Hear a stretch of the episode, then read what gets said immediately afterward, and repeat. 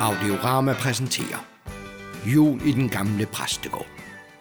En julekalender af Troels Bering, instrueret og klippet af Jakob Octavius Jarlskov. Den 17. december.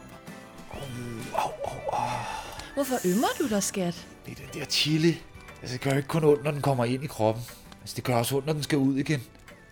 Jeg har det som om, jeg har ild i røven. Altså, bogstaveligt talt. Hvorfor spiste de også chili? Det var ikke noget, vi gjorde. Altså, Lars proppede chili i min kaffe. Det lyder ikke som Lars. Han plejer da at være så sød.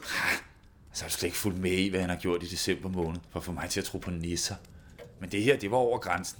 Det sagde jeg også til ham. Hvad sagde du til ham? Jeg sagde, at jeg er glad over ham til menighedsrådet. Og de har indkaldt ham til en tjenestlig samtale med prostitutets personalekonsulent. Han skal ikke tro, at han kan slippe afsted med sådan en opførsel, uden det får konsekvenser. Og hvad sker der så? Fyrer de ham så? Ja, hvis ikke han retter ind, så kan de blive nødt til det. Altså sådan et nummer, er jo- det er jo direkte et overgreb. Jeg ved ikke. Det lyder altså ikke som den Lars, jeg kender. Jamen, så kender du ham ikke særlig godt. Han skal være heldig, at jeg ikke anmelder ham til politiet også. Er det ikke at gå for vidt? Det var sikkert ment i spøjt. Altså, det er min røv overhovedet ikke enig i.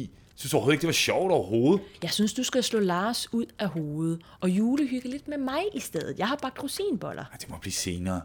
Altså, det er søndag i morgen, og jeg er nødt til at forberede. Pas nu på med alt det arbejde. Inden du får set dig om, er julen jo gået. Julen starter alligevel først den 25. december. Alt indtil da, det er advent. Og nu vil jeg helst ikke forstyrres mere i eftermiddag. Jeg har brug for tid til at gennemgå teksterne til i morgen. Men hvad præsten ikke ved er, at der inde i væggen bor to unge nisser ved navn Augustin og Dut. Du, Augustin, Hvad er der, Dut? jeg ved ikke rigtigt. Jeg synes, at onkel Baldrian var rigtig grov i går. Ej, hvad mener du? Vi har da også drillet præsten. Ja, men jeg har ikke puttet chili i hans kaffe. Han var jo næsten ved at dø. Hvad så med den gang, vi stjal saltet på parkeringspladsen? Det er altså overhovedet ikke det samme. Du er bare misundelig, fordi du ikke selv fandt på det med chilien. Nej, jeg er overhovedet ikke. Nå, hvad står I to og visker om? Ikke noget, onkel Baldrian. Nå, ikke? Lige meget. Vi vandt første slag, men vi har stadigvæk ikke vundet over præsten. Selvom hans mave sikkert er en helt anden mening.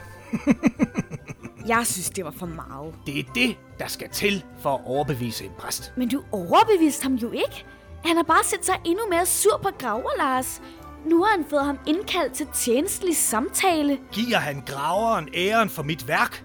Hvad ligner det? Typisk mennesker. Jeg skal lære ham et eller andet om respekt. Måske skulle vi lukke ulven ind på kirkegården. Det er ikke en rigtig ulv. Det er bare organisten, der er sikker på, at han har set en ulv. Men det var bare vikarens hund. Så han ser ulve alle vegne? det giver mig en alle tiders idé. Hvad har du i tankerne? Det får du at se.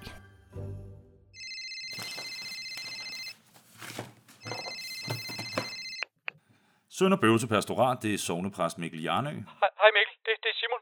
Hej Simon, hvad, hvad vil du? Jo, al- altså, jeg ringer for, for at give dig en opdatering. Øh, For det kan godt være, at jeg ikke lige kan være der i morgen. Ej, nu skal du altså høre Simon, du har skrevet under på en kontrakt, og du kan blive fyret, hvis du ikke snart kommer tilbage på arbejde. Det ved jeg godt, og det er jo intet, jeg hellere ved end at spille i kirken. Og det ved du. Men, men det er bare... Jeg kan ikke komme nogen steder. Altså, hvorfor nu ikke det, Simon? Altså, hvis din bil er gået i stykker, så må du cykle. Nej, nej, det, det er mere, fordi jeg er fanget. Fanget, Simon, af hvem? Ikke af hvem, Mikkel. Af ulve. Ej, men, er du fanget af ulve? Ja, ser du. Jeg gik ud i skoven her til morgen for, for at finde mit gevær. Og, og det lå heldigvis det samme sted, som jeg havde efterladt det. Men netop, som jeg havde gravet geværet op, så så jeg den, Mikkel. Altså, du så ulven? Ja, ulven. Og den kom imod mig. Jeg gemte mig med det samme i et buskads og lagde geværet på skulderen. Men så kom der en til, Mikkel. Og en til.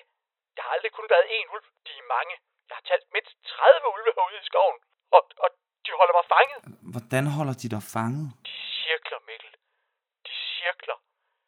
Ligesom man tror, der er fri bane til at komme ud, så kommer den næste ulv. Den eneste grund til, at jeg ikke er blevet spist nu, det er, fordi jeg har min svigerfars gevær. Ej, Simon, nu skal, nu skal du tage det roligt. Der kommer en til, Mikkel. Den, den kommer hen.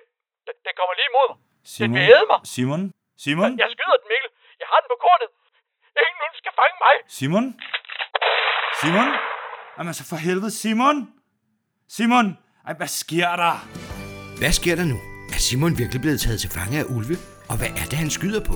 Hvor meget skal der egentlig til for at overbevise en præst om, at der findes nisser? Og bliver Krav Lars virkelig fyret for nissernes drillerier? Lyt med igen i morgen.